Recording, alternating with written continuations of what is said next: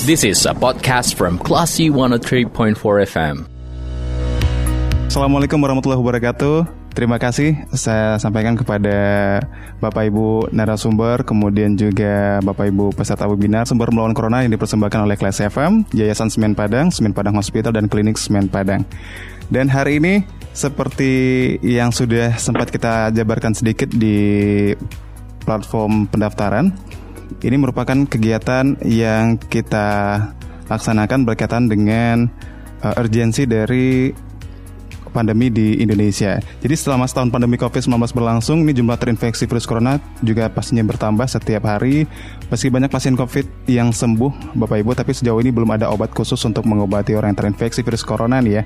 Tapi ada salah satu metode yang cukup efektif dengan terapi donor plasma convalescent Nah, inilah kemudian muncul banyak pertanyaan dari tengah masyarakat, seperti apakah donor uh, plasma convalescent, uh, bisakah setiap penyintas COVID itu mengikuti donor uh, plasma ya?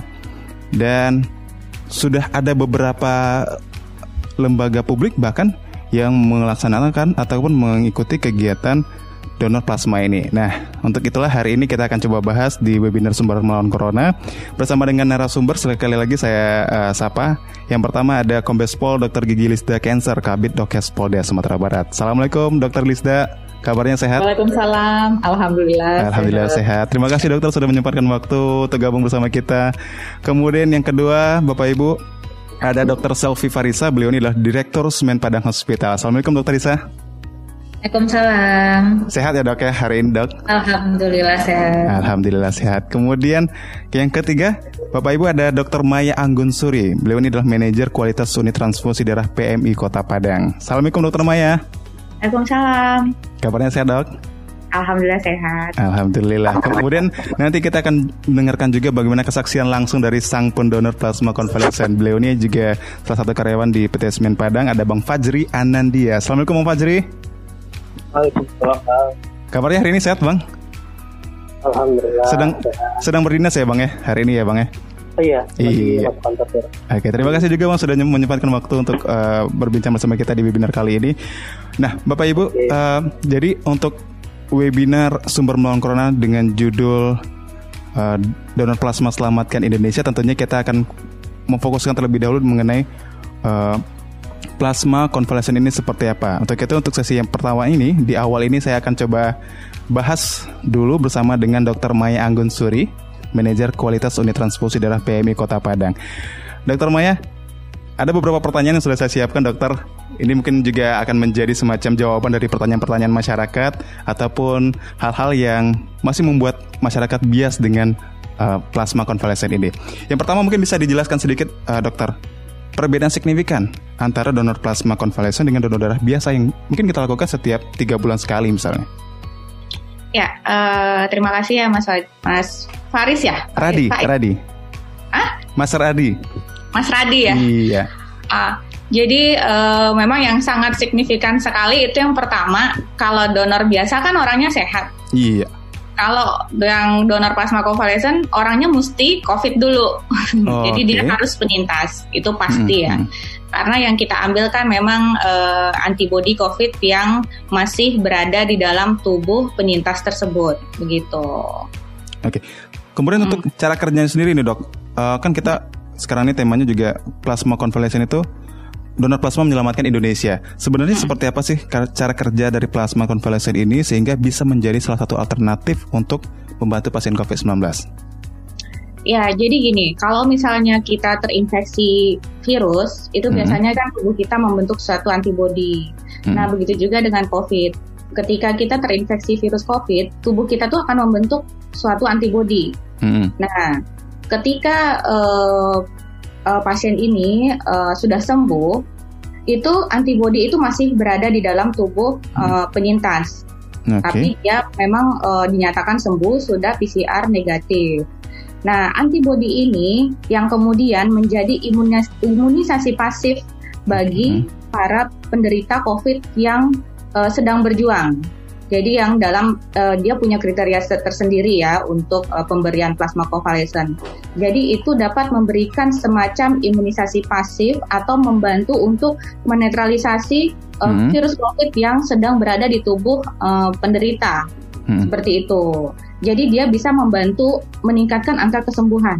Jadi menurut jurnal-jurnal yang dari dari England Medical Journal, dari hmm. European, dari Kanada dan semuanya itu memang uh, apa namanya kita sudah uh, melihat kesembuhan sebesar uh, 70 persen. 70 persen. Okay. Uh, uh, jadi uh, memang uh, yang tadinya dia pakai ventilator, mm -hmm. jadi tidak memakai. Yang tadinya uh, mau jatuh ke derajat kritis, itu mm. bisa uh, membaik seperti itu. Nah itu memang sudah dilakukan di seluruh dunia, nggak mm. hanya di Indonesia saja. Makanya hal ini menyebabkan terapi plasma convalescent menjadi favorit Oh, okay. belakangan ini. Iya dok. Jadi karena di Jawa itu khususnya kayak di DKI, Surabaya yang daerah-daerah zona hitam itu antrian pasien yang ingin mendapatkan hmm. terapi plasma convalescent ini sampai ratusan. Oh, Oke okay, dok. Nah, uh. karena mereka juga kan banyak ya penyintasnya. Beda kalau di Kota Padang sendiri kan tidak se, se booming di di Jawa ya penyintasnya. Hmm. Tapi kalau mereka di sana memang sangat uh, luar biasa ya peningkatannya seperti itu. Oke, okay. nah kalau tadi dokter bilang kalau di Jawa itu ada ratusan gitu ya dok ya yang hmm. yang meminta ataupun yang melakukan donor plasma konvalesen ini. Tiap hari loh.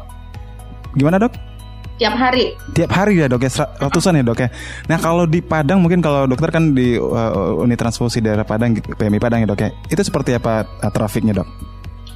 Kalau di Padang sih sebenarnya belum terlalu uh, signifikan ya, hmm. uh, karena kita sebenarnya mulai itu dari bulan Agustus mas. Jadi dari oh, bulan okay. Agustus huh? itu pun kita sebenarnya udah mulai mencari donornya dari bulan Juni.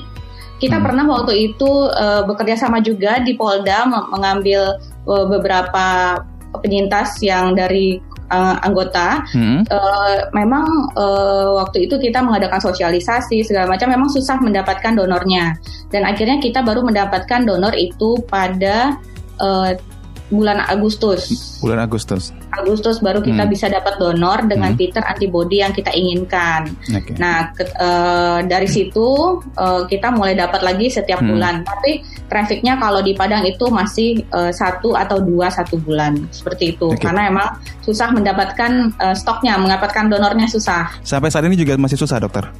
Masih, cuman kemarin kita terbantu ya karena kita kan ada gerakan nasional pencanangan oleh Presiden uh, RI hmm. uh, tanggal 18 Januari itu kita uh, dilakukan gerakan nasional secara virtual hmm. untuk uh, mencanangkan plasma konvalesen. Jadi di situlah mulai uh, booming ya, mulai uh, ada uh, feedback dari hmm. para instansi, daripada dari masyarakat juga ada yang datang gitu. Hmm. Uh, saya pengen cek dok bisa nggak saya menjadi donor plasma konvalesen dan juga kemarin uh, dari PT Semen Padang sendiri ya. sudah banyak juga mengirimkan ya uh, uh, uh, apa anggota hmm. yang uh, penyintas dan sudah kita ambil juga beberapa orang yang bisa ya titernya yang bisa seperti itu. Itu hmm. pertamanya dilakukan gerakannya juga oleh Menteri BUMN hmm. pada tanggal hmm. 25 Januari kemarin. Oke, okay. dok, mm kalau kita bicara kesulitan nih dok, tadi kan dokter juga bilang dari Juni kemudian baru dapat Agustus dan sekarang pun juga tidak sesulit yang sebelumnya. Tapi kan masih ada kesulitan juga yang ditemui dok. Apakah ini iya. kesulitan yeah. karena kurangnya eh, informasi berkaitan donor plasma ini ke COVID survivor atau karena uh, terlalu kecilnya kesempatan bagi orang-orang yang ingin mendonor gitu dok? Uh, jadi ya itu satu, mungkin uh, info ini tidak terlalu beredar luas di masyarakat dan hmm. juga uh, masyarakat yang kadang-kadang ya kita donor biasa aja hmm. tuh susah carinya ya mas ya, iya, apalagi iya, iya, bener, bener, dok, donor iya. plasma convalescent. Uh. Rata-rata mereka uh, ada yang mau, ada yang, hmm. aduh saya merasa saya masih belum siap, kurang sehat seperti itu gitu hmm. ya. Uh, cuman juga uh, kesulitan kita itu karena persyaratannya banyak yeah. sebenarnya mas. Yeah. Persyaratannya itu sangat banyak sekali. Nanti hmm. kita di PMI kan kita asesmen lagi, hmm. kita tanya lagi, kita ambil sampel, uh, kita periksa lagi. Jadi nanti itu yang lolos itu akhirnya cuma satu, dua hmm, seperti yeah. itu. Mm Okay. Kalau syarat untuk syarat utama di dok bagi pendonor plasma konvalesen ini, selain tadi kan harus uh, mantan penyintas, eh, penyintas maksudnya dok ya. Selain itu apa lagi dok?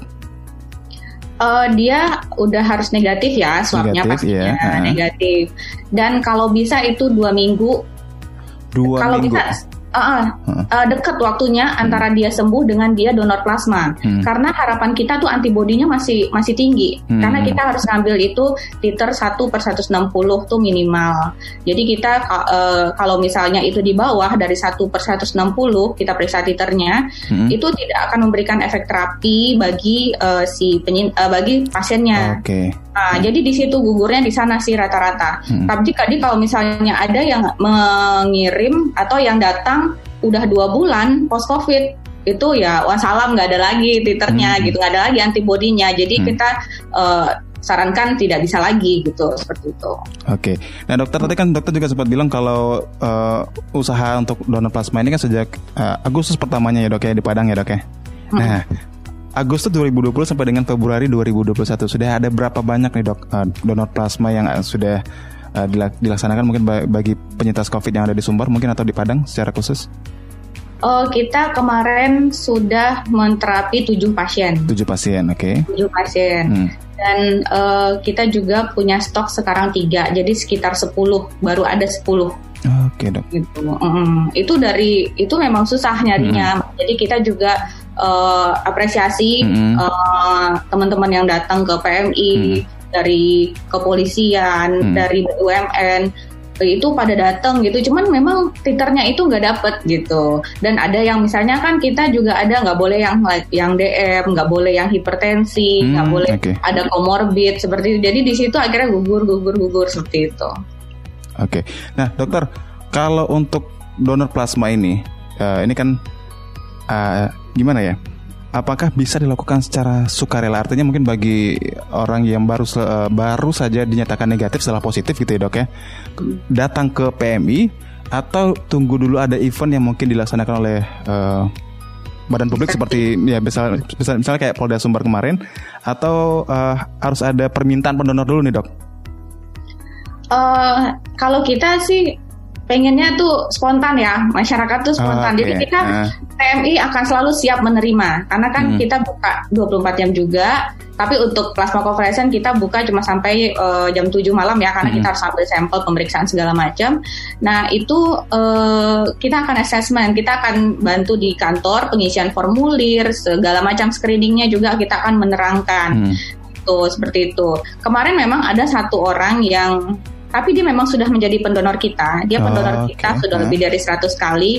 Dia mendengar uh, tentang wacana hmm. plasma convalescent gitu. Dia hmm. uh, lihat di televisi mungkin pencanangan dari Presiden Jokowi kemarin. Hmm. Uh, lalu dia datang ke kantor.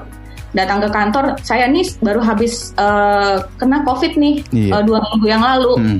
udah sembuh Hmm. Oh, saya bisa nggak ya jadi plasma karena saya dengar dari dilihat di TV kata dia yeah. gitu kan. Terus kita coba cek ternyata alhamdulillah titernya bagus okay. dan dia kita ambil kita ambil uh, plasmanya. Hmm. Lalu kita bertanya kan, "Bapak uh, kenapa pengen gitu?" Hmm. Iya, karena saya ini merasa bersyukur sudah menjadi sudah sembuh dari hmm. Covid hmm. Hmm. dan saya ingin membantu uh, teman-teman yang lagi berjuang di rumah sakit oh, seperti gitu, itu. Okay. Nah, jadi di situ uh, kita berterima kasih banget sama Bapak itu. Dia membukakan mata lah gitu. Iya. Dengan kesadaran sendiri gitu ya dok ya? Iya. Nah dokter, kalau kita bahas tadi dari segi pendonor, sekarang ini dari segi yang uh, um, penerima donornya gitu dok. Uh, sebenarnya pasien seperti apa yang perlu mendapatkan uh, donor plasma konvalesen ini dok? Kategorinya apa aja dok? Ya kalau itu mungkin uh, lebih ke ranahnya uh, dokter yang merawat ya, oh, karena okay. itu dia hmm. ada skornya, oh. dia ada skor namanya, hmm. jadi dia harus uh, harus ada peraturannya misalnya PCO apa oksigen saturasi oksigennya berapa hmm. yang bisa hmm. mendapatkan plasma convalescent dan dia di derajat uh, kriteria uh, sedang berat atau berat kritikal ya atau hmm. bagaimana seperti itu. Jadi kita memang uh, kalau misalnya ada pasien yang hmm. ingin mendapatkan plasma konvalesen itu harus berkoordinasi dengan uh, dokternya dulu, okay. dokter penanggung jawabnya. Dokter penanggung jawab ya, dok ya? Uh, uh, karena kita bisa hanya bisa mengeluarkan uh, stok kita ketika ada permintaan dari dokter, dari dokter uh, yang merawat. Hmm.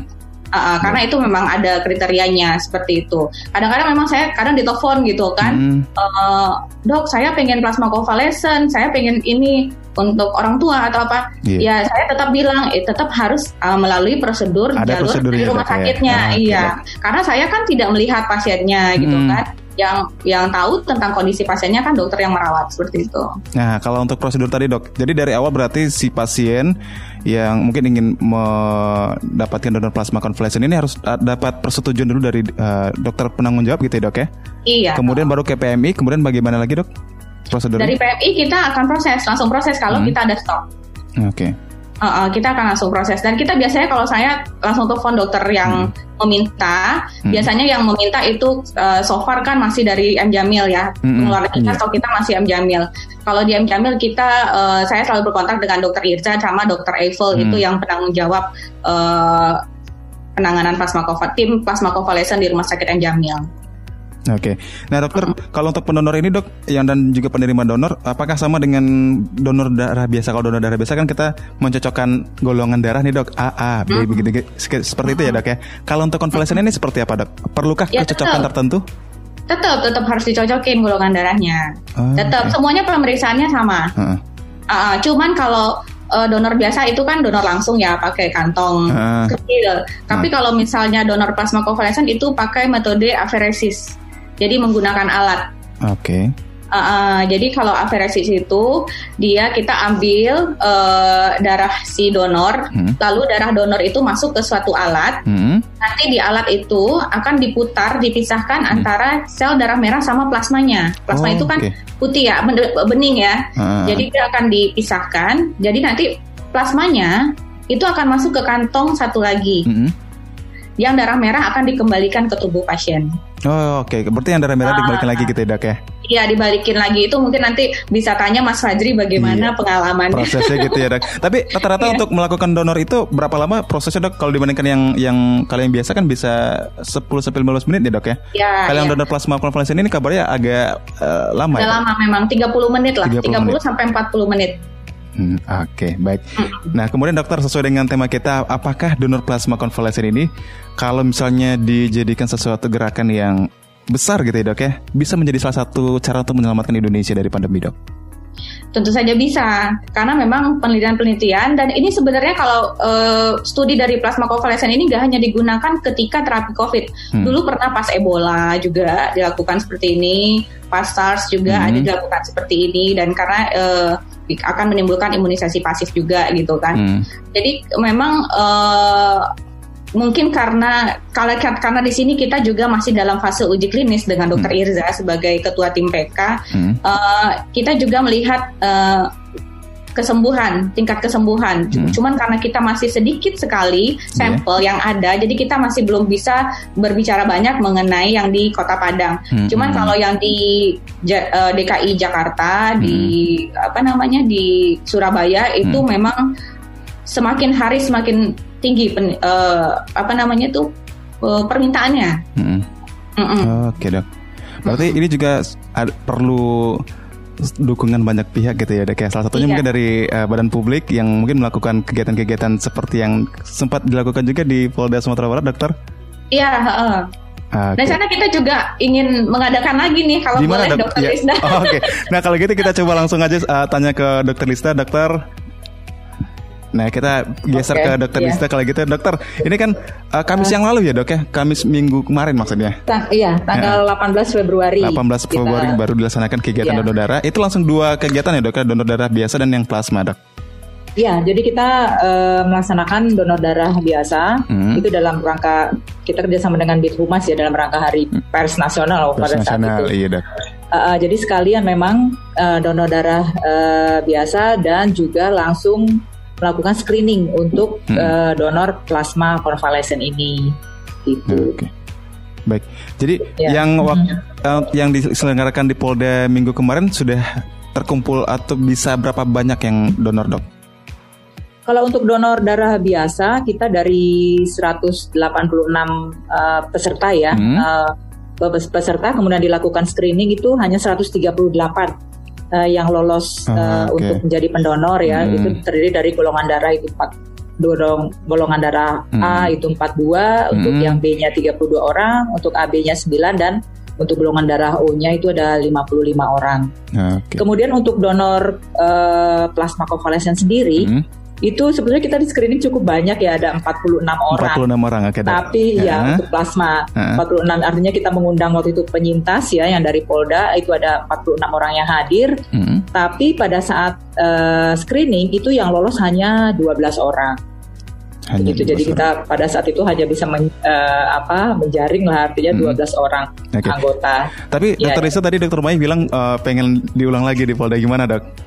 Oh iya, rencana memang kita eh, mau mengulang lagi ya, Ah. karena ini juga termasuk salah satu penekanan dari Kapolri ya, Kapolri dan Hmm. ke, ke Kapus Dokes untuk kita terus melakukan sosialisasi ya, untuk Hmm. menjaring lagi rekan-rekan yang penyintas COVID untuk eh, mendonorkan plasmanya. Jadi kita akan mengulang lagi dan eh, sebelumnya juga sebelum mungkin eh, ke depannya kita akan membuat lagi, kita juga akan mengadakan sosialisasi dulu, Ya. sosialisasi lagi. Sosialisasinya untuk plasma untuk untuk siapa dulu nih dokter Risa ke anggota Polri dulu atau ke anggota sih Anggota, sementara ke anggota ke anggota baik Hmm. yang sudah sebagai penyintas maupun yang belum barangkali nanti kan ada keluarganya yang pernah eh, yang yang menjadi penyintas Hmm. bisa ikut eh, untuk berpartisipasi dalam donor darah konvalesen ini. Oke, berarti minggu kemarin itu adalah pertama kalinya ya dok ya untuk, untuk digelar eh, donor plasma konvalesen ini di Polda Enggak, Sumbar. eh, itu sudah dua kali. Oh, itu yang saya kedua kan kalinya? baru masuk Mm. Polda Sumber kan baru Januari ya. Mm-mm. Termasuk dari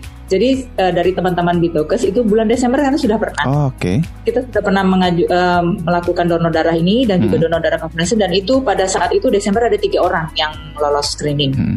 Jadi totalnya dari bulan Desember dan Februari ini kita ada 15 orang yang Hmm. sudah yang artinya yang eh, lolos untuk screening plasma konvalesen. oke. Berarti ini artinya akan dilakukan secara berkala dok Sek- sekali tiga bulan ya dok ya? Kalau tadi Desember, Januari, Februari. Desember, Februari. Ya nanti kita lihat lagi untuk berapa Oke, berapa disesuaikan berapa gitu ya dok ya? Ya, ya, ya, Oke. jelas kita akan mengadakan sosial- sosialisasi dulu minggu depan. Insya Allah. Oke. Ya. Kalau untuk sosialisasi dokter kalau boleh tahu juga sosialisasi seperti apa yang mungkin ya ingin di, dicanangkan ke anggota Polri dok? Ya, seperti itu aja eh, artinya manfaatnya eh, Hmm. plasma konvalesen kan Hmm. ya. Kemudian mengajak juga mereka berpartis- berpartisipasi dan yang penting sih sebetulnya eh, ini tadi yang sudah di apa disampaikan Dokter Maya ya. Hmm. Syarat-syaratnya apa Iya. gitu kan. Mungkin Ah. pasti banyak pertanyaan-pertanyaan dari teman-teman. Mungkin teman-teman sebetulnya banyak yang ingin menjadi eh, donor Heeh. eh, tapi tidak bisa. Dan eh, ini juga kemarin juga dengar dari teman-teman dari Pak Urkes ya, Pak Urkes di kewilayahan. Mungkin nanti juga mungkin Dokter Maya yang bisa menjelaskan. Jadi teman-teman di wilayah itu sebenarnya banyak dari Polres-Polres itu banyak Hmm. yang eh, mau menjadi eh, pendonor karena kan Iya. kemarin hanya dari Polda ya. Hmm. Tapi eh, katanya karena eh, mungkin alatnya atau apa yang tidak ada di wilayah akhirnya eh, mereka tidak eh, bisa menjadi donor. Mungkin nanti bisa disampaikan solusinya seperti apa gitu Oke. untuk ininya. Sebetulnya banyak juga kan banyak juga di Hmm. wilayah tuh anggota Polri yang eh, ter- terkena COVID, penyintas COVID. Penyintas COVID ya dok ya. Oke, Mm-mm. Eh, dokter, eh, tadi kan dokter sempat bilang dari 40-an yang ikut eh, ingin ikut donor plasma ya dok ya, hanya 12 yang lolos screening. Nah, 46, iya. iya. iya. Sisanya itu kenapa dok Eh, banyak eh, yang tidak bisa? Kebanyakan Eh, apa dok? Sisanya itu kebetulan juga eh, yang pertama mungkin seperti persyaratan yang donor biasa itu seperti mungkin tekanan, tekanan darahnya, Hmm. kemudian HB-nya, kemudian jadi itunya juga sudah tidak lulus. Terus mungkin ditambah lagi dengan eh, Hmm. apa namanya screening untuk plasma itu sendiri gitu ya. Dan kebetulan memang ya sebenarnya alhamdulillah ya angka angka terkonfirmasi positifnya kan kita juga makin hari alhamdulillah Iya. eh, tidak sebanyak dulu ya. Iya dok. Jadi sebetulnya di satu sisi ya alhamdulillah karena artinya angka sudah angka positif turun. sudah turun gitu ya dok ya. Iya, positifnya sudah turun tapi ya di lain sisi ya Mm-mm. ya artinya juga untuk pendonor konvalensinya juga Iya. eh, tentunya berkurang gitu. Oke, nah dokter tadi kan dokter Maya juga sempat bilang kalau sebaiknya itu kan eh, pendonor itu dilakukan dua minggu setelah dinyatakan negatif ya dokter Maya. Iya, Nah, betul, iya. nah pas eh, kegiatan donor darah minggu lalu, apakah dilakukan juga semacam pendataan eh, mana saja misalnya anggota eh, Polri di jajaran Polda Sumbar yang yang dua minggu ini baru sembuh misalnya dok? Apakah seperti itu juga dok? Proses eh, untuk me- mengajak Iya. ataupun menyaringnya dok? Iya, jadi kan saya juga sebelum kita melakukan uh, donor darah itu Hmm. uh, atau donor konvalesen ini kan kita juga koordinasi dengan uh, PMI ya sebelumnya. Hmm, hmm. Koordinasi dengan PMI kira-kira nih uh, siapa yang memenuhi syarat. Nah, itu sudah diinfokan misalnya uh, apa sudah sembuh Hmm. paling lambat paling lama tuh mungkin dua bulan tiga bulan ya itu udah kita seleksi dulu Oh, gitu oke. jadi yang udah terkena misalnya bulan tahun lalu bulan Maret Ya. ya, itu udah nggak kita ikutkan lagi Diikutin lagi ya, Gitu, dok, jadi ya? yang mendekati ya yang Ah. mendekati baru sembuhnya baru-baru ini gitu yang kita ajak untuk eh, apa eh, ikut berpartisipasi Oke, baik. Eh, kalau gitu sebelum saya ke narasumber selanjutnya, saya pengen geser lagi ke Dokter Maya. Dokter, tadi kan eh, Dokter Risa sempat bertanya ini, eh, kalau di daerah-daerah gitu ya, Dokter ya, ya Eh, kewilayahan Ya. kewilayahan itu seperti apa kalau seandainya memang ada semacam eh, kesempatan juga bagi mereka yang ingin mendonorkan plasma ya, dok? Silakan Dokter Maya. Ya, jadi jadi kemarin juga eh, saya mendapat info ya bahwa anggota Polres banyak ya dok ya yang di daerah Iya. gitu ya. Iya. Cuman eh, yang kita khawatirkan eh, kita kan memang meng- kalau kalau nanti bisa dia memang tetap harus ke eh, UTD PMI karena me- melakukan aferesisnya kan menggunakan mesin. Gitu. Cuman untuk eh, apa namanya untuk pengambilan sampel nanti kita sedang dis- didiskusikan juga di eh, beserta pimpinan bagaimana baiknya Eh, karena kan eh, berarti anggota kita juga harus turun ke ini ya ke daerah-daerah juga Daerah-daerah. kan. Hmm. Ah, Iya. ah, jadi mungkin nanti kita akan koordinasikan lagi aja dok. Iya. Nanti Ya. juga kita kumpulin dulu lah siapa yang ini ya, Ya. Kita Yang dari wilayah eh, data-datanya atau ininya. Iya siap dok. Oke, baik. Terima kasih Dokter Maya, terima kasih juga Dokter Risa. Sebentar kita Iya. geser lagi ke, saya pengen ke Dokter Risa. Dokter bisa dengar suara kita, dok? Ya bisa. Ah, Oke. Nah, dokter, ini kan Semen Padang Hospital kan salah satu rumah sakit yang menangani pasien COVID-19 gitu ya, dokter ya. Kalau sampai dengan Februari ini pernah melakukan transfusi transfusi plasma konvalesen di pasien COVID-19, dokter? Kalau di SPH? Nah, jadi eh, di Semen Padang Hospital sendiri kita pernah eh, melakukan eh, transfusi plasma konvalesen ini Hmm. itu pertama kali itu di bulan September. Oh, oke. Nah, jadi Ah, eh, jadi kan seperti yang disampaikan Dr. Maya tadi kan memang susah sekali mendapatkan Hmm. eh, ininya nih plasmanya. Jadi ketika itu kita memang ada pasien dengan kondisi berat hmm, kemudian direkomendasikan oleh dokter untuk mendapatkan plasmanya. hmm, Tapi berhubung dengan eh, jumlah jumlah plasma yang tersedia di PMI Padang sendiri itu juga sangat sulit didapatkan dan kebetulan pasien ini punya eh, jejaring ke waktu itu ke RSPAD. hmm, Jadi kita melakukan pengiriman dari RSPAD. Memang itu eh, memang sangat sulit memang dalam pengiriman karena untuk syaratnya sendiri itu sangat ketat dari sisi suhu, kemudian eh, suhu yang harus terjaga. hmm, Bisa kita bayangkan dari RSPAD Hmm. keluar dari freezernya itu sampai ditransfusikan itu ada ada ada suhu yang dipersyaratkan, ada waktu juga yang Hmm. dipersyaratkan sehingga memang mepet-mepet banget itu waktu ketika kita melakukan transfusi tersebut. Oke. Jadi tapi alhamdulillah eh, pasien tersebut eh, dapat dilakukan transfusi Hmm, meskipun eh, kita memang menghitung banget nih timingnya jam berapa keluar dari kulkas dari freezer di RSPAD kemudian jam berapa juga kita harus sampai di PMI karena tetap harus melakukan hmm, eh, screening juga terhadap plasma tersebut. Karena tidak semua plasma yang dapat ditransfusikan kepada pasien. Jadi harus ada juga nih pre-transfusinya karena harus ada beberapa hal dicocokkan tadi Hmm. seperti golongan darah kemudian juga screening dan uh, crossmatnya nah itu juga diburuin banget. Alhamdulillah kita dapat bantuan sekali dari PMI dan uh, sampai di SPH pun Hmm. langsung diberikan kepada pasien. Nah pemberian itu kan dilakukan dengan dua dua siklus atau dua kali. Hmm, Nah, itu kita memang mengatur sekali waktu pemberiannya.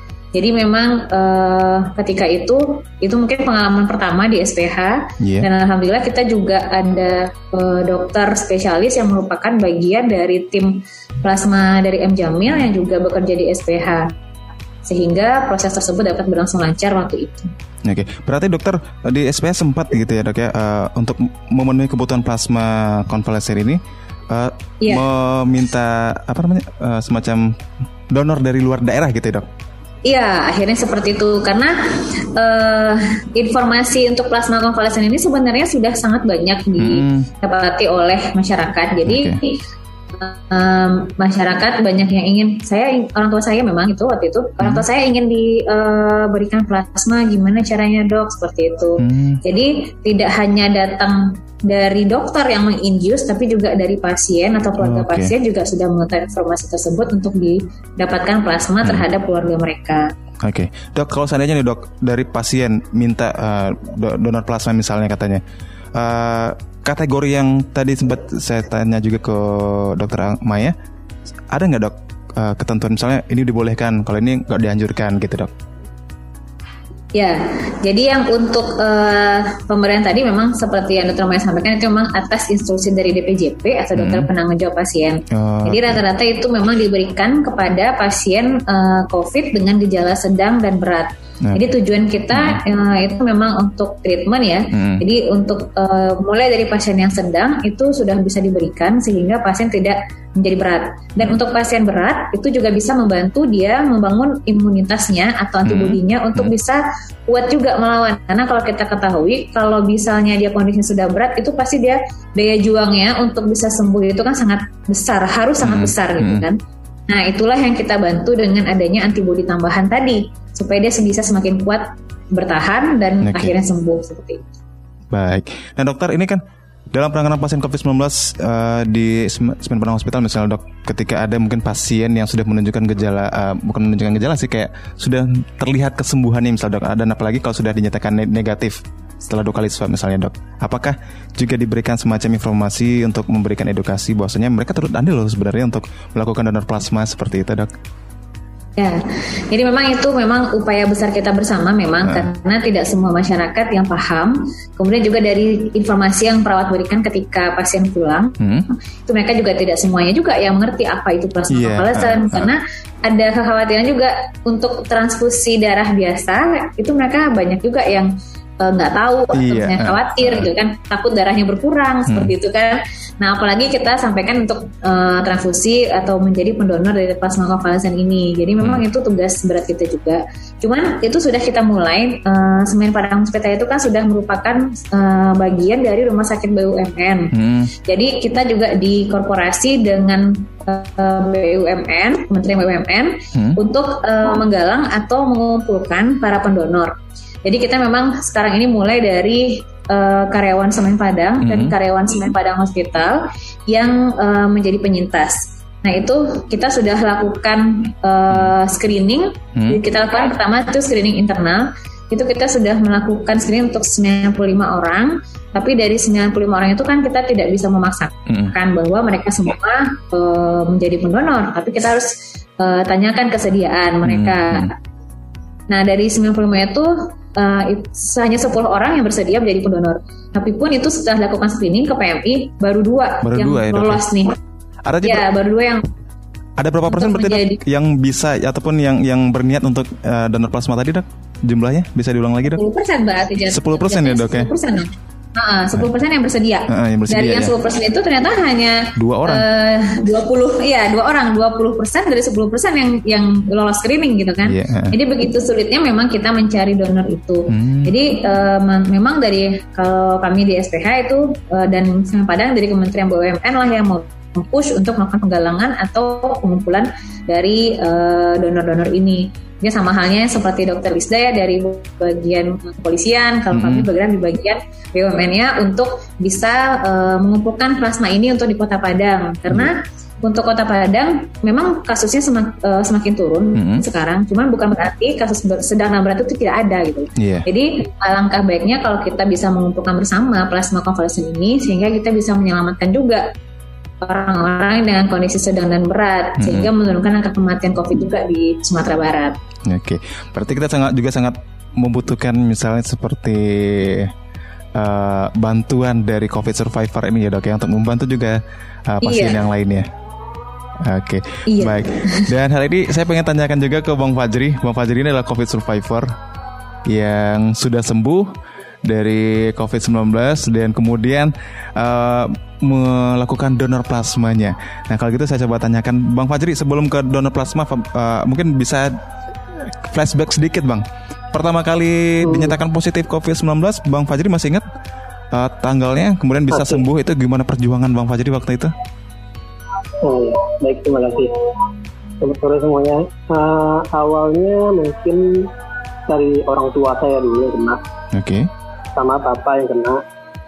Kemudian uh, kami udah tes swab semua di rumah. Mm. Ternyata setelah di tes swab uh, negatif semua. Negatif semua awalnya berarti ya bang ya? Negatif semua awalnya. Uh. Tapi setelah itu beberapa hari tanggal 18, uh, 17 saya demam. Uh. Demam suhunya sampai 39. Oke. Okay. Nah, hmm. makanya besok langsung dibawa ke SPH diperiksa. Ternyata yang saya alami itu nah, masuk ke dalam ciri-ciri yang ciri-ciri orang yang kena COVID gitu. Hmm, gejalanya gitu ya, Bang ya? Iya, hmm. gejalanya. Hmm. Langsung dites di SPH. Besoknya keluar hasilnya, tanggal 18 keluar hasilnya, nah, saya dinyatakan positif. Hmm. Kemudian saya sempat dirawat dulu di mes uh, SP, uh, mes Semen Padang okay. karena gejala ringan. Hmm. Cuman setelah tiga hari ternyata demam saya nggak turun-turun juga. Hmm. Makanya dirujuk ke SPH dan uh, di sana dikasih antibiotik obat tambahan mungkin hmm. ya. Hmm. Sama SPH-nya makanya jadinya sembuh di tanggal 25 saya sembuh. Oke. Okay. Nah, kemudian udah dua kali positif, dua kali tes, udah negatif dua kali. Kemudian uh, tanggal itu tanggal 1 Januari hmm. kan uh, ada apa plasma BUMN plasma BUMN untuk Indonesia itu programnya. Oke. Okay. Okay. Hmm. Tanggal 1 Januari itu saya nyumbang plasmanya. Berarti kalau waktu itu memotivasi dari Bang Fajri ketika mendengarkan informasi adanya uh, kegiatan donor plasma, waktu itu apa Bang? Hmm, awalnya kan karena saya ngerasain langsung ya. Yeah. Karena orang tua juga kena uh, papa. Huh? Papa itu uh, ada komorbid juga penyakit bawaan pneumonia. Oh pneumonia, oke. Okay. Nah ya, jadi setelah dirawat uh, masuk ke awalnya dia uh, di rumah sakit biasa, kemudian dirujuk ke N, Jambil karena tergolong berat gitu ya. Uh, uh. Tergolong berat kemudian akhirnya pakai ventilator hmm. nah, dan akhirnya orang tua saya bapak saya meninggal tanggal 12 Januari kemarin uh, jadi sebelum sebelum itu saya juga nyari-nyari pasti keluarga nyari-nyari juga kan obat pengobatan apa alternatif alternatif untuk hmm. yang bisa diberikan ke dia gitu ketika hmm. dia lagi kondisi berat seperti itu Uh, saya juga lihatnya di YouTube ada dokter yang sehat karena plasma convalescent. Hmm. Ada yang itu saya juga pengen orang tua saya sebenarnya dapat plasma convalescent waktu itu.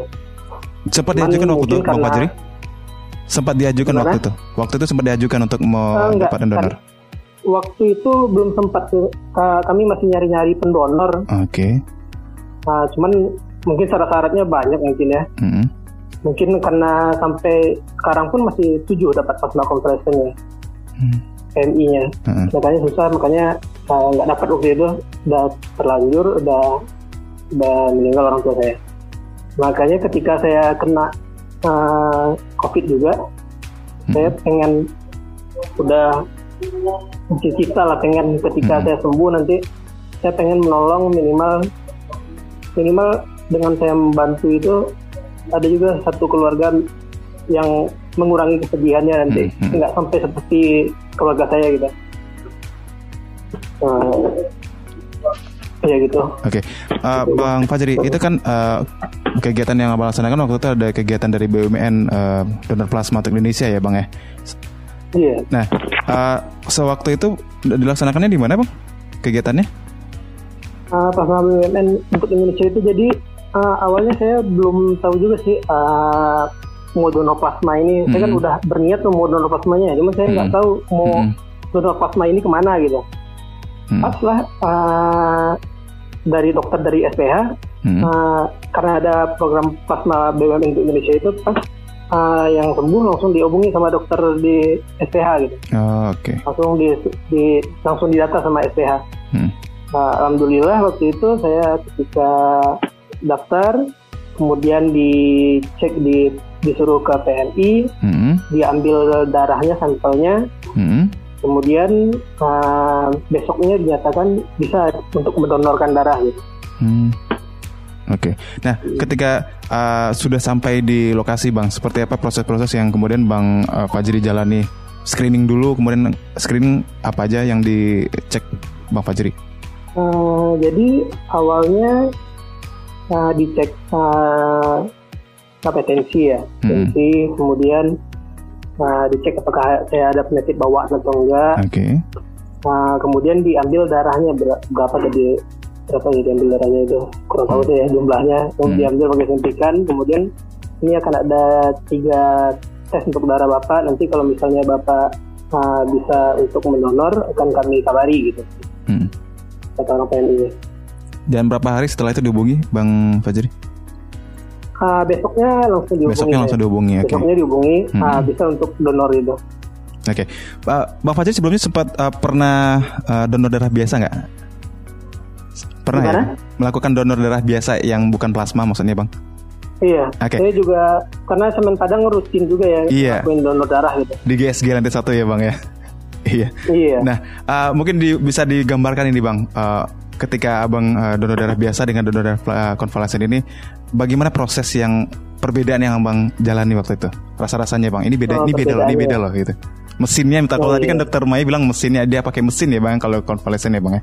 Mm-hmm. Nah. Iya. Kalau untuk Jadi, ukuran ukuran jarum mungkin masih ingat bang? ukuran jarumnya gimana? masih ingat mungkin? Iya.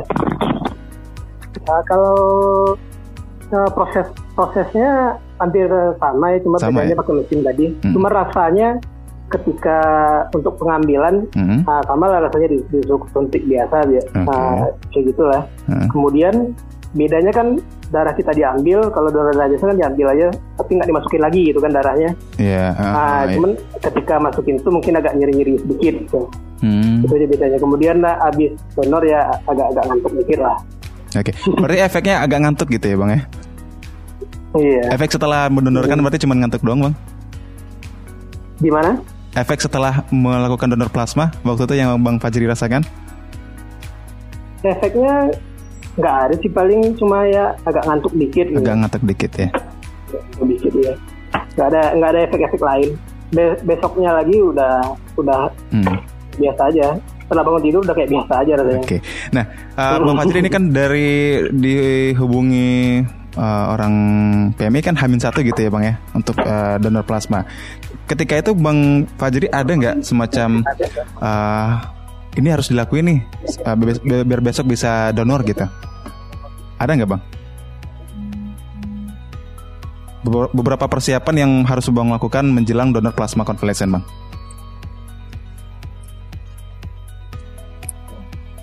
Halo Bang Fajri bisa dengar suara kita Bang Fajri?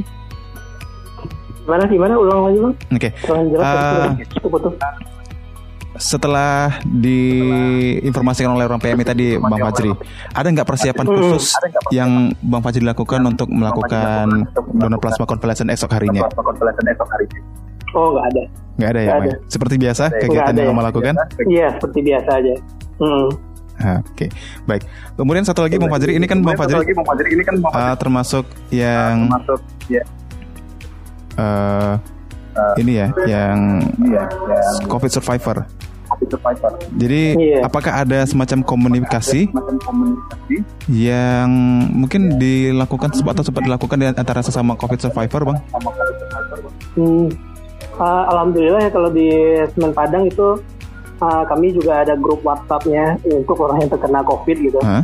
Jadi di grup itu dokter perusahaan juga sering uh, sharing tentang plasma convalescent ini dan hmm. ngasih tahu terus cara caranya, hmm. terus ngasih tahu siapa yang mau daftar gitu untuk hmm. donor plasma convalescent. Okay. Uh, diharapkan sih di institusi lain juga seperti itu nanti ya, hmm. biar banyak dapat plasma convalescent dengan karena susah dapetinnya. Oke. Okay. Jadi kalau bisa mm -mm. seperti itu harapan dari Bang Fajri gitu ya. Harapan dari Bang Fajri gitu. Iya. Karena ya paling dari instansi-instansi sih hmm. kayaknya yang lebih cepat karena banyak banyak anggotanya gitu kan. Mm -hmm. Oke. Okay. Mm. Baik, terima kasih Bang Fajri uh, cerita inspirasinya juga dan bagaimana sharing mengenai uh, cara untuk survive tadi dan untuk mendonorkan uh, plasma konvalesennya. Uh, saya pengen iya. balik lagi ke Dokter Maya. Dokter, ini kan ada semacam harapan juga dari Bang Fajri, bahwasanya Bang Fajri menginginkan kalau bisa semua instansi juga melakukan hal yang sama. Kalau hingga hari ini cukup banyakkah mungkin instansi ataupun uh, badan publik yang bekerja sama dengan PMI untuk melakukan kegiatan donor plasma konvalesen misalnya? Uh, Trennya ya. seperti apa, uh, dokter? Trennya aja dulu deh kita sih uh, kemarin tuh mungkin masih uh, hangat-hangatnya ya karena setelah uh, gerakan BUMN dan juga gerakan dari uh, Pak Presiden. Hmm. Sekarang tuh udah mulai turun lagi, mungkin juga karena uh, penyintas ini semakin sedikit ya, yeah. mungkin semakin sedikit juga. Terus uh, kebanyakan itu sembuhnya itu udah lebih dari satu bulan. Hmm. Jadi uh, ada yang datang dari BTN, ada yang dari PT KAI, ada hmm. uh, dari Bank BRI juga ada. Cuman memang titernya itu loh selalu yang kita bermasalah di sana. Hmm. Jadi kalau misalnya udah lewat sebulan kita udah langsung tolak aja karena memang uh, udah nggak ada lagi titernya itu. Jadi benar-benar kadang IgG-nya tuh udah non reaktif. Hmm. Jadi nggak ada gitu sama sekali nggak ada. Apalagi kalau misalnya dia OTG. Okay. Uh, kalau OTG itu benar-benar dia sedikit sekali gitu. Jadi mungkin dalam seminggu dia udah turun antibodinya gitu. Okay. Uh, makanya kita pengennya yang fresh from oven gitu ya iya, yang baru baru gitu. banget nih uh. jadi penyintas dan uh, kita ambil sampel langsung kita ambil plasmanya itu benar-benar uh, bagus ya. Hmm. Itu kayaknya saya juga mau jawab pertanyaan ada yang bertanya banyak banget ya. Iya. Nah, di kolom chat boleh ya? Oke, okay. uh, kalau gitu saya coba bacakan dulu dokter nanti uh, silakan di uh, jawab. Uh, kita baca dulu yang pertama ini pertanyaannya mengenai plasma konvalesen. Oke, dari Bapak Denny Chandra. Pertanyaan pertama itu apakah benar penerima donor hanya apakah penerima donor hanya bagi yang sedang terserang COVID-19 saja, Dok? Kalau yang belum pernah terkena, bisakah kira-kira? Itu pertanyaan pertama, Dok. Silakan dijawab dulu mungkin, Dokter. Untuk donor PK ya? Iya, donor uh, konvalesen. Uh, yeah. Untuk donor PK syaratnya harus uh, kena COVID dulu Pak, nggak Harus boleh nggak. Oke, okay. itu jadi yeah. syarat mutlak ya dokter ya? Iya, mutlak banget. Oke, kemudian dari Ibu Rahma, pertanyaan untuk Dokter Maya. Yang pertama, dokter, jika plasma konvalesen didapatkan dari donor uh, whole blood, apakah memungkinkan jika diambil dari darah donor dengan berat badan di bawah standar pada keadaan emergensi? Nah, pertanyaan yang kedua, Bagaimana proses pengiriman produk plasma konvalesen mulai dari menyediakan sampai mempertahankan suhu plasma yang sering kali menyebabkan penggantian box mengingat belum tersedianya dry ice di semua wilayah? Dokter Maya Oke, okay, ini pertanyaannya teknis ya. Yep. Uh, jadi kalau untuk kantong whole, whole blood sebenarnya hmm. bisa-bisa hmm. aja. Cuman plasma yang akan didapatkan itu sangat sedikit sekali, uh, hanya 100 100 cc sedikit. 100 cc ya dok ya. Uh, uh, jadi kayak kita uh, apa namanya karena dia akan dipisah dulu kan hmm. dipisah dulu uh, dan itu akan uh, tidak signifikan memberikan efek terapi karena yang ditetapkan oleh uh, BPOM, hmm. juga dari Kemenkes, juga hmm. dari PMI pusat itu dosisnya adalah 200 tambah 200, jadi 400 mili dua kantong. Hmm. Itu yang memberikan efek terapi. Kalau makanya kita menggunakan mesin aferesis untuk bisa ngambil uh, plasma sebanyak-banyaknya, bukan hmm. sebanyak bukan dihabisin ya, yeah, tapi yeah. memang dosisnya yang yang uh, memberikan efek terapi. Nah, untuk pengiriman memang kita terkendala karena di Sumbar ini nggak ada dry ice. Hmm. Nah, jadi uh, memang plasma ini, plasma konvalesen ini prosedurnya setelah diambil dari uh, pendonor itu dia dibekukan dibekukan okay. harus suhu minus 25 sampai minus 50. Jadi dia benar-benar kayak es balok. Es balok ya dok ya? Uh, uh, dia kayak es balok. Uh. Dan itu bisa bertahan selama satu tahun. Dia harus segera dibekukan. Oh, okay, so, dalam waktu less than uh, 6 jam itu harus hmm. langsung hmm. dibekukan. Jadi uh, sehingga kita mengharapkan uh, isi dari darah itu masih hidup semua, masih bagus. Hmm. hmm. Jadi kita bekukan itu bisa kita simpan selama satu tahun. Oke. Okay. Dengan suhu stabil minus 25. Hmm. Kalau dari perpindahannya misalnya dok menyebabkan suhu di, jadi di atas 25 uh, minus 25 misalnya bagaimana dok? Gimana?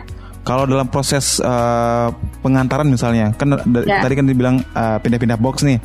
Ya, itu makanya kalau misalnya kita bisa minus 25 itu hanya bisa menggunakan dry ice. Kalau untuk pengiriman luar kota jauh-jauh, nah, di situlah kita terkendala. Oh, kalau misalnya okay. di, di Jawa, di luar luar sana itu mereka punya produsen dry ice. Hmm. Di Padang nggak ada.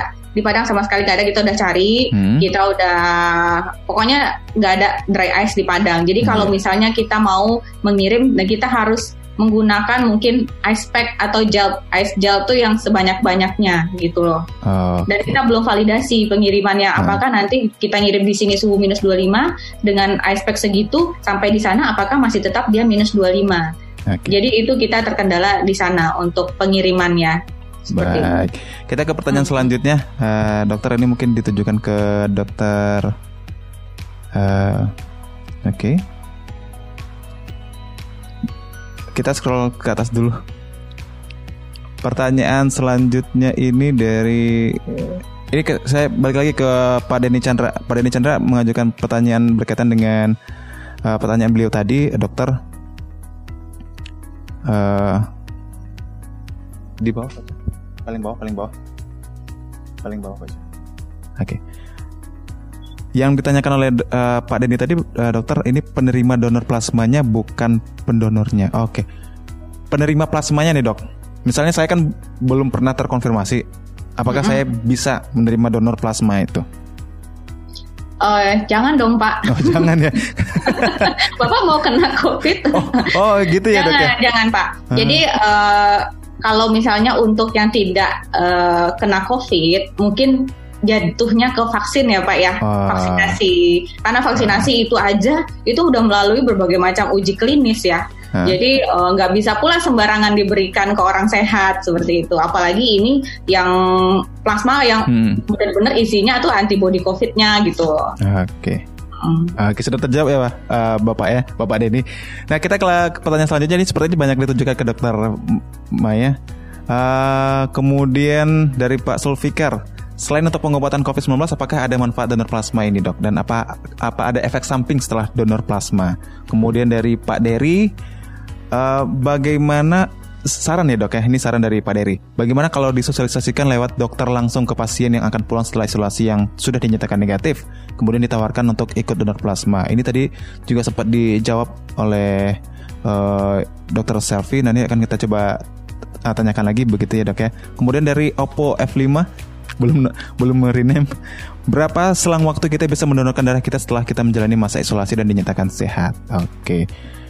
Pertanyaan dok, uh, Zul, Pak Zulfikar dulu, Dokter Maya mungkin bisa dibantu. Apakah manfaat donor plasma dan efek sampingnya setelah donor plasma ini, dok? Ya, uh, manfaatnya bisa bantu orang, Pak. Tapi kalau uh. untuk pribadi, uh, ya mungkin ada kepuasan ya, kepuasan uh. tersendiri. Dan juga efek sampingnya mungkin tadi sudah dijelaskan oleh Pak Fajri bahwa memang nggak ada sama sekali efek samping. Hmm. Kalau Pak Fajri tadi uh. bilangnya ngantuk, dok. Iya, dok. Uh, iya ngantuk. Mungkin begadang kali. Iya. Okay. Uh, atau kita kasih snack kebanyakan, kasih makanan oh. kebanyakan oh. waktu hari itu ya. Jadi menyebabkan rasa kantuk gitu ya dok ya. Iya, berarti berarti setelah donor plasma ini dilarang berkendara gitu dok. Iya. Karena menyebabkan kantuk misalnya ya kan. Oke. Okay. Iya. Jadi uh, seperti itu sih Pak. Nah. Kalau untuk manfaat pastinya akan memberikan manfaat yang sangat luar biasa bagi penerima uh, plasma convalescennya seperti itu. Oke. Okay. Itu jawaban dari pertanyaan Pak Zulfikar. Kemudian kalau untuk pertanyaan selanjutnya sebentar dokter, eh, cukup banyak yang bertanya. Iya banyak. uh, saya coba sortir gitu ya dokter. Ya. Mungkin ada beberapa pertanyaan tadi yang sudah dijawab oleh narasumber. Jadi kalau seandainya eh, ini uh, saya bacakan beberapa mungkin yang belum sempat kita bahas. Oke, okay, efek samping tadi sudah kita bahas. Kemudian saran, oke okay, kita sudah sampaikan ada saran dokter bagaimana kalau disosialisasikan lewat dokter langsung ke pasien setelah ketika pasien akan pulang gitu ya setelah isolasi dan dinyatakan negatif. Uh, selang waktu bisa mendonorkan tadi sudah dijawab uh, di, di pembahasan kita. Efek samping juga sudah dibahas. Kemudian, ah dokter, kalau untuk pendonor plasma ini dok, bisanya berapa kali kita satu uh, bagi si pendonor dok? Atau mungkin yang penerima donor juga bisa nih dok?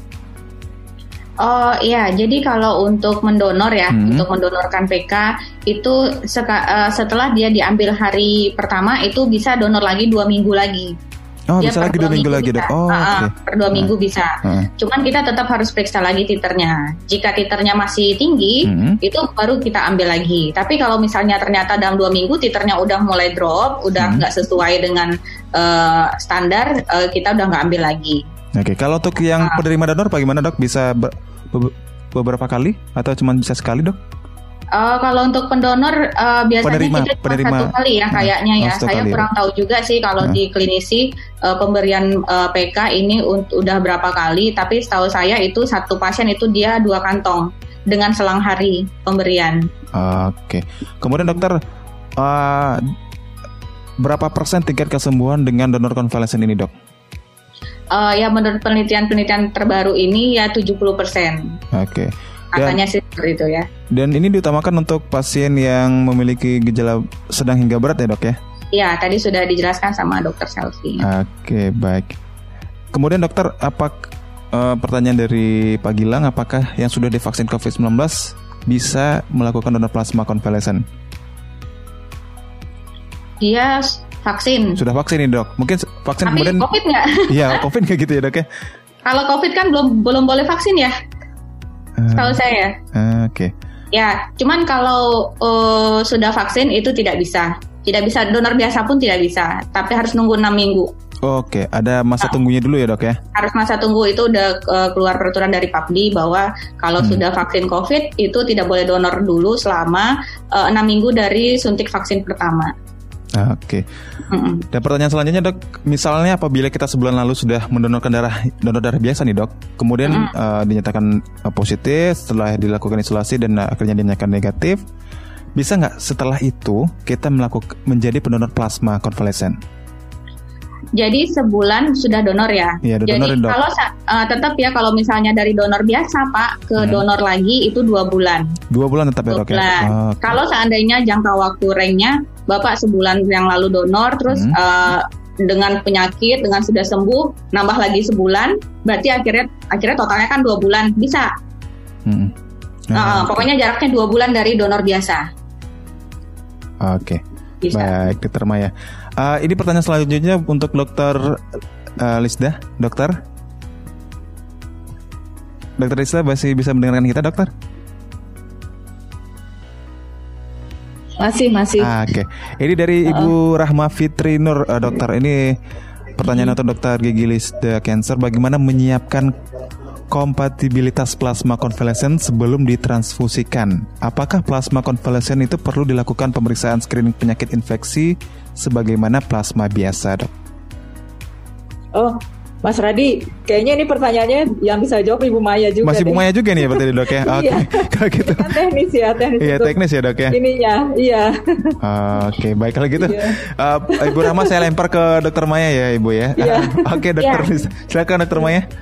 Ya, Iya. jadi eh, memang semuanya donor itu diperiksa screening. Screening Hmm. empat penyakit sebagaimana yang sudah ditetapkan oleh WHO, tetap di screening HIV, Hmm. hepatitis B, hepatitis C, sama sifilis. Itu selalu wajib mandatori. Oke. Nah, juga nanti kalau untuk plasma konvalesen kita periksanya sampai ke prosedurnya NAT, nucleic acid test. Jadi kita tesnya sudah eh, ke eh, DNA virusnya. Jadi untuk mengurangi window period ya. Jadi apa namanya eh, lebih safe darahnya gitu, nggak hanya screening menggunakan CLIA atau IMLTD biasa seperti itu. Eh, semuanya semuanya dilakukan seperti itu. Pokoknya prosedurnya sama dengan donor biasa. Oke. Hmm. Baik. Eh, kemudian saya lanjutkan ya dokter ya. Ini banyak pertanyaan. eh, kita akan coba baca dulu. Berapa lama plasma konvalesen tadi sudah dijawab pembahasannya oleh dok- dokter Maya. Kemudian, eh, nah ini ada pertanyaan untuk dokter Selfie dari Ibu Rahma juga nih, dokter.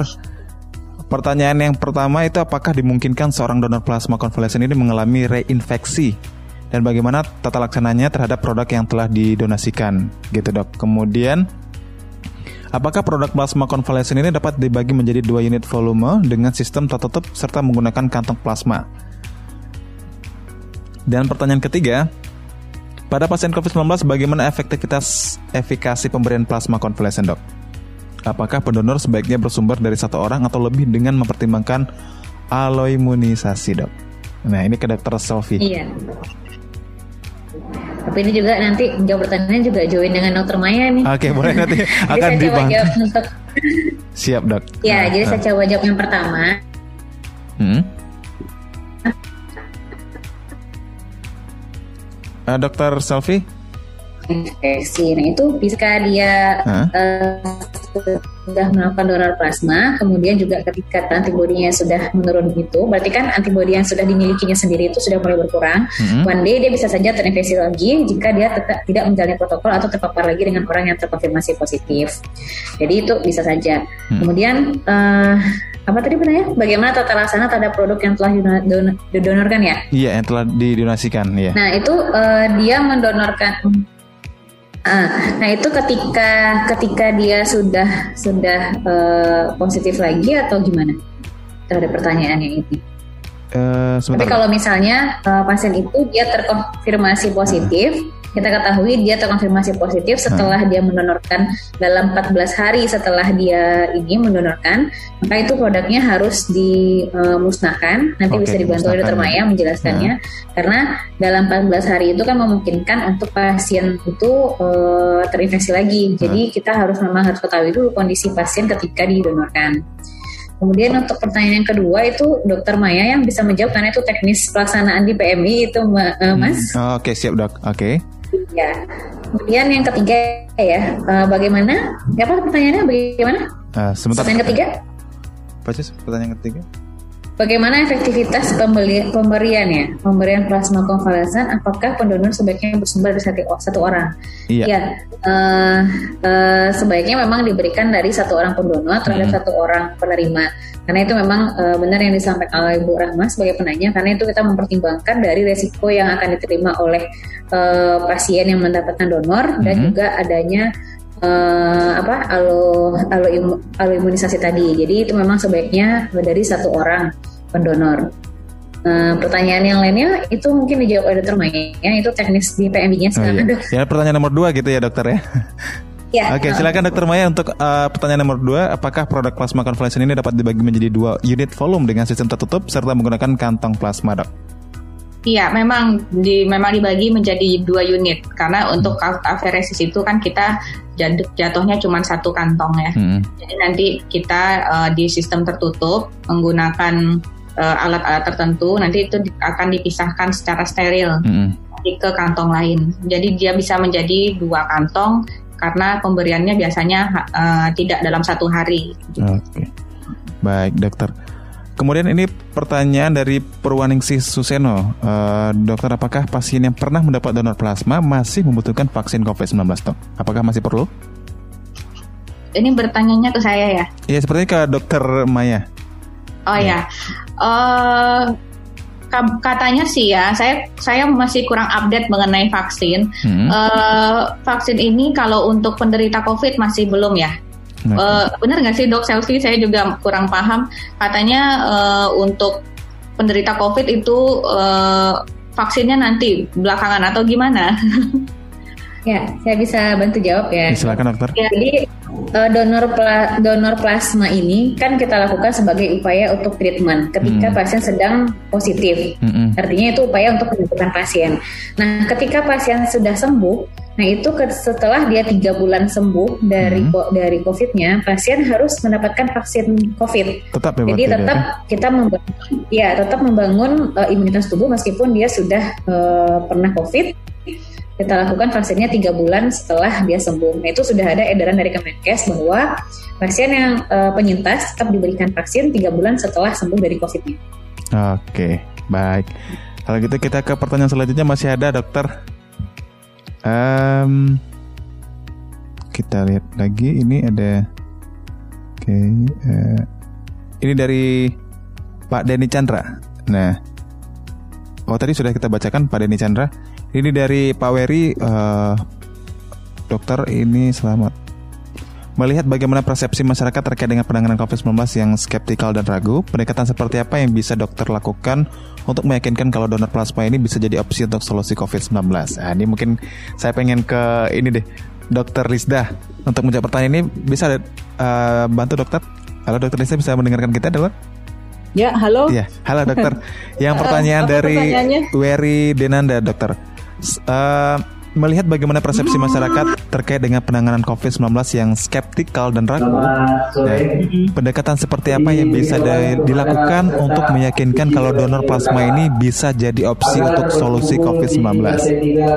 Bentar ya ada pengumuman ini. Oke, siap, siap dok, oke dok. Dengar ya. kepada peserta uji bela diri berkala agar berkumpul di lantai tiga gedung Senopta Kodam Sumbar. Sekian, terima kasih. Oke, uh, ini sebetulnya untuk uh, pendekatan seperti apa yang dokter lakukan untuk meyakinkan kalau donor plasma ini bisa uh, jadi opsi uh. untuk solusi. Lalu bisa ini ya, saya rasa sih ini sama aja dengan hmm. uh, apa namanya. Uh, ini seperti uh, seperti sosialisasi seperti itu ya, seperti webinar ini juga sebetulnya bisa sih di, di, dipakai digunakan sebagai untuk pendekatan untuk uh, meyakinkan kalau donor plasma ini bisa jadi opsi untuk kegiatan uh, untuk solusi uh, COVID. Jadi itu diperlukan juga sosialisasi mm -hmm. sos. Halo? Yep, silakan dokter. Uh, uh, ya, saya rasa sih harus memberikan sosialisasi ya kepada hmm. masyarakat. Hmm. Sebetulnya uh, apa namanya biasanya kalau masyarakat itu uh, skeptis atau hmm. ragu itu biasanya kurang informasinya. Oh. Jadi saya rasa untuk sosialisasi seperti itu uh, apa namanya kegiatan-kegiatan kita seperti ini dan juga hmm. mungkin testimoni-testimoni ya seperti Mas Fajri ini, hmm. kemudian juga mungkin uh, ini kan tadi uh, testimoninya dari Mas Fajri ini kan beliau adalah orang yang melakukan donor. Donor, iya. Nah, ini ada baiknya juga huh? kita melakukan atau uh, jadi narasumber juga nih uh, testimoni bagi orang oh, yang iya. sudah mendapatkan donor itu ya, Dok ya. Iya, mendapatkan terapi plasma ini oh, gitu. Jadi iya. nah dia bisa bercerita tentang manfaatnya seperti apa, mm-hmm. apa yang dia rasakan. Nah, itu saya rasa juga uh, bisa uh, menjawab ini. Pendekatnya juga bisa seperti itu, Mas. Okay. Saya rasa seperti itu. Oke, okay. baik. Mm -hmm. Nah, dokter, tapi kalau kemudian ditanyakan kembali, dok, sebenarnya ini tugas siapa mm -hmm. sih dok untuk melakukan uh, sosialisasi seperti ini? Apakah dok tenaga kesehatan atau bagaimana, dokter? Mm -hmm. Kalau ada pertanyaan seperti Jadi, itu misalnya. Oh iya. Yeah. Jadi sih karena masalah COVID ini kan uh, memang kita tidak bisa bekerja sendiri ya. Iya. Uh. Jadi harus bahu membahu, siapa harus uh, kerjasama. Saya rasa sih kalau misalnya ini kita bisa uh, kerjasama dengan dari segala inilah dari uh, apa namanya semua institusi lah bisa hmm. berperan. Misalnya dari kepolisian, dari Kemenkes terutama ya karena hmm. ini kan tentang uh, apa namanya kesehatan ya. hmm. ya itu uh, ya seperti kayak seperti dan dra, apa uh, donor konvalensen ini kan hmm. tadi BUMN ya yang pertama yeah. ini ya iya iya untuk kalau nggak salah saya dengar ya artinya kan itu siapa pun bisa gitu untuk uh, melakukan uh, sosialisasi seperti ini itu hmm. karena ya memang tidak bisa uh, artinya tidak bisa kita bebankan kepada hmm. satu ini saja gitu. Tapi iya, kalau okay. kita semuanya bisa uh, berperan, saya rasa bisa lebih baik. Baik. Nah, hmm kemudian ini ada pertanyaan terakhir ini sepertinya dari peserta webinar, uh, dokter. Tapi ini ditujukan untuk Bang Fajri. Bang Fajri masih bisa dengarkan kita, Bang? Ya bang. Ah, Oke, okay. ini pertanyaan untuk Bang Fajri ini dari Pak Zulfikar, uh, Bang Fajri. Setelah donor iya. plasma, bagaimana kondisi hmm. fisik yang Bang uh, Fajri rasakan dan apakah Abang dikasih obat untuk pemulihan lagi atau bagaimana? Adakah semacam ya, mungkin suplemen juga gitu ya, Pak Zulfikar ya? Silakan, Bang Fajri. Uh, abis donor nggak ada sih, hmm. Bang yang dikasih paling dikasih makanan, hmm. kasih minum yeah. teh gitu. Ah. Berarti kayak seperti biasa donor itu ya bang ya. Setelah itu kan kita dikasih iya, ini makanan iya. juga, suplemen ada ada suplemen vitaminnya juga. Uh, iya, okay. biasa donor aja nggak ada obat-obat yang dikasih lagi. Uh. Ya setelah itu udah kayak biasa aja. Oh, oke okay. berarti itu sama aja ya bang ya. Okay. Iya sama aja. Baik. Nah itu dia uh, Bapak Ibu uh, pertanyaan-pertanyaan dari para peserta. Nah sebelum uh, webinar ini kita tuntaskan, uh, saya ingin minta closing statementnya dulu ataupun juga mungkin harapan dari masing-masing narasumber berkaitan dengan uh, webinar kita kali ini sumber melawan corona. Donor plasma selamatkan Indonesia. Saya pengen ke Dokter Maya dulu, silakan Dokter Maya. Ya, saya juga uh, berterima kasih sekali kepada Klesi sudah mengundang saya dan membuat webinar ini uh, sehingga masyarakat bisa lebih teredukasi ya terhadap uh, adanya terapi plasma konvalesen ini. Harapan saya juga uh, semoga gaungnya plasma konvalesen ini makin terdengar ke seluruh masyarakat Kota Padang sehingga uh, ada timbul uh, kesadaran untuk memeriksakan uh, diri ketika hmm. setelah menjadi penyintas COVID seperti itu, Mas. Oke. Kemudian uh, Dokter Lista silakan dokter. Iya, saya juga terima kasih nih sudah diundang uh, Klesi untuk berbagi uh, pengalaman ya akhirnya informasi uh, apa yang sudah dilakukan oleh uh, Polda Sumbar khususnya dalam hmm. rangka uh, kita juga berpartisipasi untuk uh, artinya membantu rekan-rekan uh, kita yang mungkin masih uh, terkonfirmasi uh, COVID-19 ya agar hmm. segera sembuh dan saya juga menghimbau untuk uh, mungkin masyarakat yang artinya pernah sebagai penyintas COVID untuk uh, juga ikut berpartisipasi untuk uh, donor uh, plasma. Namanya kita berusaha ya berikhtiar mudah-mudahan uh, apa yang kita lakukan ya bisa bermanfaat bagi masyarakat yang lain. Amin, ya alamin. Terima kasih dokter. Selanjutnya dokter Selvi silakan dokter. Ya, terima kasih PCFM. Uh, di sini saya ingin mengajak semua masyarakat hmm. untuk marilah kita bahu membahu dalam penanganan COVID ini, karena kita tidak bisa satu stakeholder saja yang menangani COVID ini, tapi kita membutuhkan partisipasi semua stakeholder uh, dalam pelaksanaan plasma konvalesen, dalam pelaksanaan vaksinasi dan tetap melakukan 5M.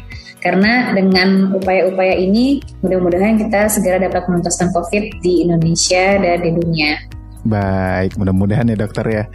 Terima kasih dokter Selvi dan terakhir silakan Bang Fajri harapannya Bang Fajri dengan kegiatan ini ataupun uh, untuk masyarakat yang lain ataupun COVID survivor silakan. Ya terima kasih sebelumnya kepada Kosi FM. Semoga setelah acara webinar ini hmm. makin banyak para penyintas-penyintas yang sudah merasakan rasanya kena COVID hmm. uh, dan timbul keinginannya untuk membantu teman-teman yang lagi kesusahan sekarang untuk uh, mengalahkan virus ini. Gitu. Oke, baik. Terima kasih Bang Fajri dan terima kasih narasumber yang lain atas uh, pemaparan-pemaparan yang luar biasa nih. Mudah-mudahan sekali lagi bisa mengedukasi masyarakat, kemudian menyebarkan lagi uh, untuk uh, bersama-sama kita untuk menuntaskan pandemi ini. Sumber melawan corona. Sumatera Barat untuk terkhususnya mungkin kita sama-sama untuk melawan corona. Dan terima kasih juga untuk Anda Bapak Ibu peserta webinar uh, ini nantinya obrolan kita akan bisa kembali nanti Bapak Ibu cermati kita akan uh, uh, upload di podcast Kelas FM bisa nanti diakses di www.kelasfm.co.id. Nah untuk janji saya seperti di awal tadi ada dua penanya terbaik ya. Ini versi dari penitia sudah mencatat nama-nama yang uh, nanti akan kita kasih hadiah. Silakan nanti boleh uh, kirimkan alamat biar kita yang uh, mengirimkan ke uh, alamat Bapak Ibu. Yang pertama ini yang, yang pertama ada Ibu Rahma Fitri Nur, silakan Ibu nanti kirimkan uh, alamat ke nomor yang tadi kita kirimkan link via Zoom. Nah, itu. Kemudian Pak Denny Chandra, silakan nanti kirimkan juga alamatnya di nomor WhatsApp yang tadi mengirimkan link Zoom ini. Kalau gitu terima kasih sekali lagi untuk narasumber dan Bapak Ibu peserta. Saya akhiri webinar kali ini, webinar sumber melawan corona persembahan kelas FM, Yayasan Semen Padang, Semen Padang Hospital dan Klinik Semen Padang. Assalamualaikum warahmatullahi wabarakatuh.